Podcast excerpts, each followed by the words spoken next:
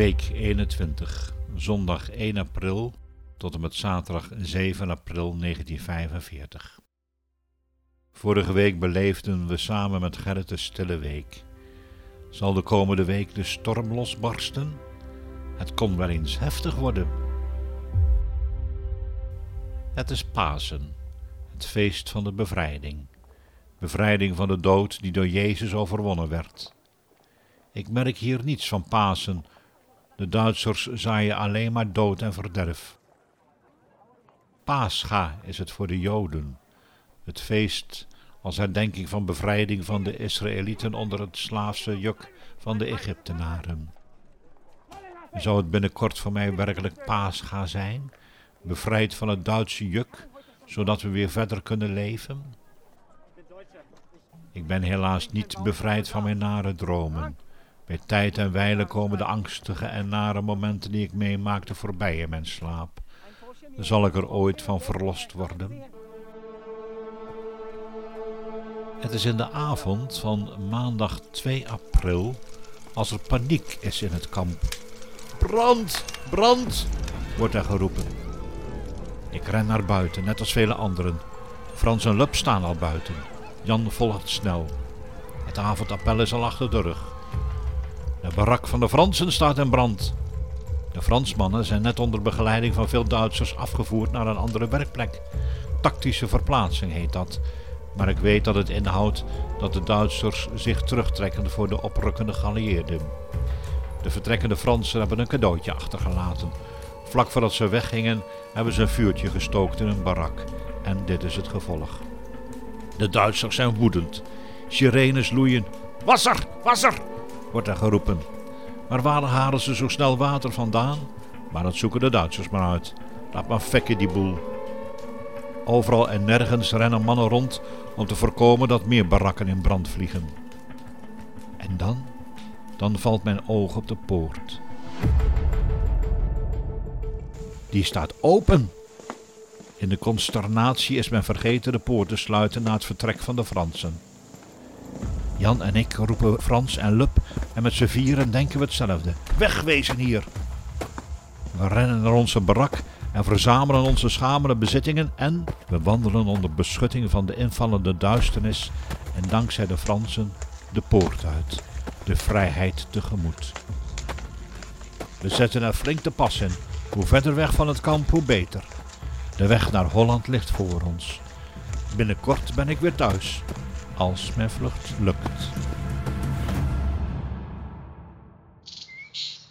Een lege hut is onze rustplaats als de morgen aanbreekt. Ik ben blij dat ik kan rusten. En niet veel later slapen wij in vrijheid. Bij het donker worden gaan we weer op pad.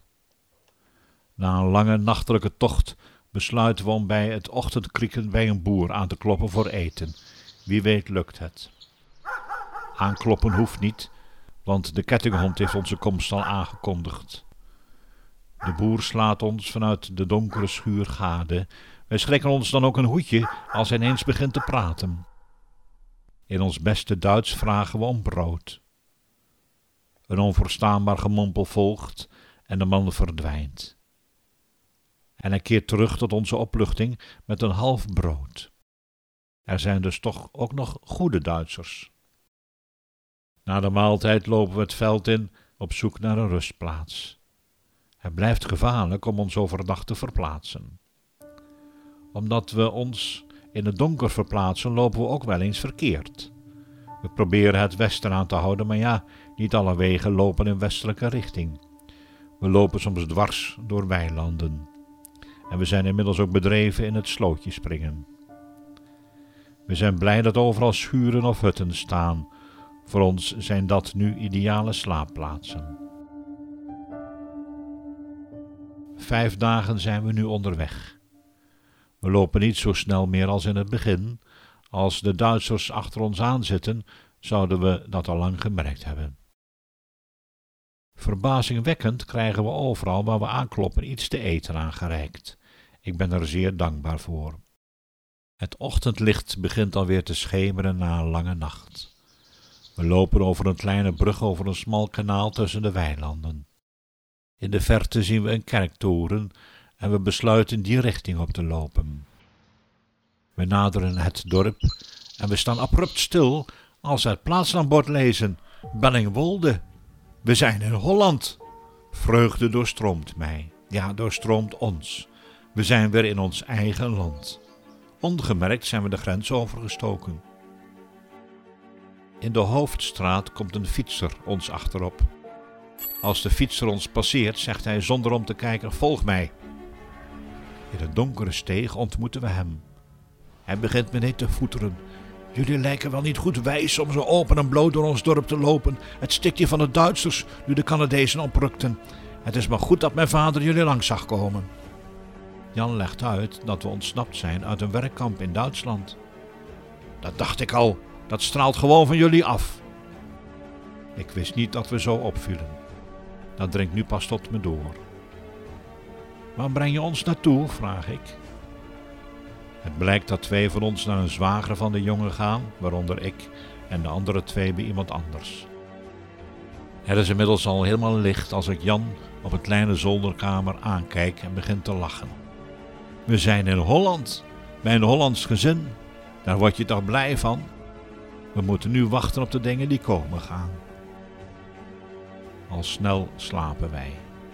Wat kunnen we anders doen? Na vele ontberingen overvalt ons de vermoeidheid.